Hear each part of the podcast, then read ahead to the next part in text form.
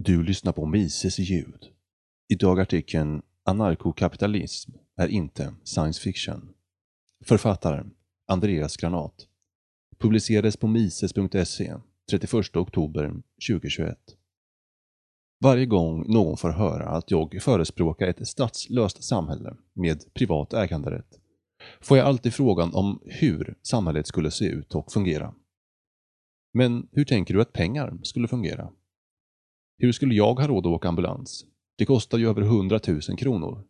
Hur skulle det fungera med vägar? Men skolorna, friskolor, är ju jättedåliga. Jag vet inte. Jag skriver inte science fiction-noveller. Jag kan bara förklara hur det skulle fungera ekonomiskt. Varje människa handlar. Syftet med handlingar är att tillfredsställa ett behov. Är jag törstig dricker jag. Är jag avundsjuk på grannens nya bil går jag och köper en ny. Vi använder alltså medel för att uppnå mål.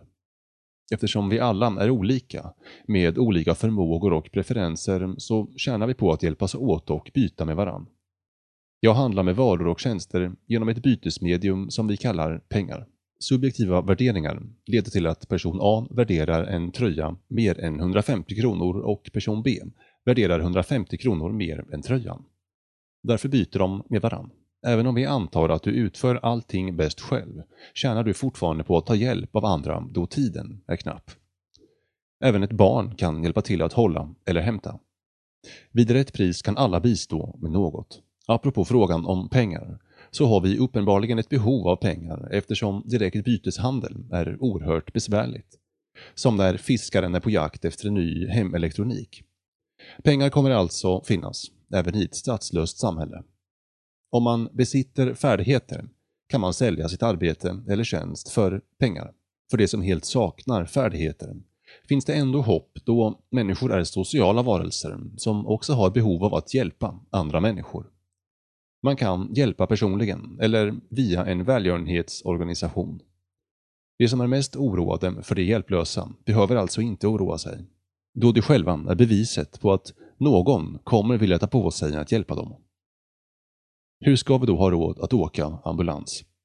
Återigen, om det finns ett behov av att åka ambulans kommer någon att tillgodose det behovet och de flesta har råd att åka, antingen genom försäkring, avbetalning, donation eller liknande. Där det finns behov finns det entreprenörer och tvärt vad socialister tror finns det ingen logik i att höja priserna så ingen har råd.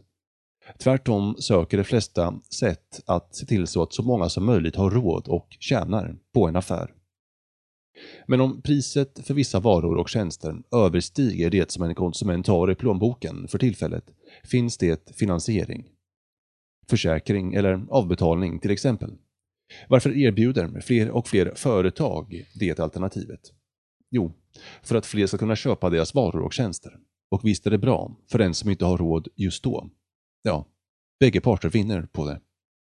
När entreprenörer tillåts att konkurrera fritt om kunder kommer de att tävla mot varandra om vem som kan skapa den bästa produkten till bästa pris. Därför kommer vägarna vara rekorderliga. Företagen som äger vägarna kommer ta ut en avgift för de som använder vägarna. Precis som nu så kostar vägar och alla som betalar skatt betalar för vägarna. Skillnaden blir att den som inte använder vägen inte behöver betala för den och den som använder den kommer alltså att få betala mer. Precis som med vilken vara eller tjänst som helst. Man kan tycka vad man vill om dagens friskola, men det är inte en fri skola. En helt privat skola hade såklart varit byggd på vinst, till skillnad från de friskolor vi har idag som betalas av skattebetalarna. Skolorna hade konkurrerat om att vara bäst både i fråga om ordning, läroplan, lärare, elever, betygssättning, pedagogik och så vidare. Men också till pris. Skolorna hade varit helt beroende av att tillgodose elevernas och deras föräldrars förväntningar och behov för att tjäna pengar. Dagens friskolor har inte samma press på sig att tjäna pengar. De har nämligen en garanterad subvention av staten. Detta ökar inte bara kostnaderna och håller tillbaka kvaliteten. Det hindrar också nödvändiga innovationer inom utbildningstjänster. Det finns gott om exempel på anarkokapitalism i historien att peka på. Och även om samhället ser väldigt annorlunda ut idag så är anarkokapitalism varken science fiction eller utopiskt. Det är resultatet av frivilligt utbyte mellan människor. Det har alltid funnits och kommer alltid behövas i ett parallellsamhälle nära dig.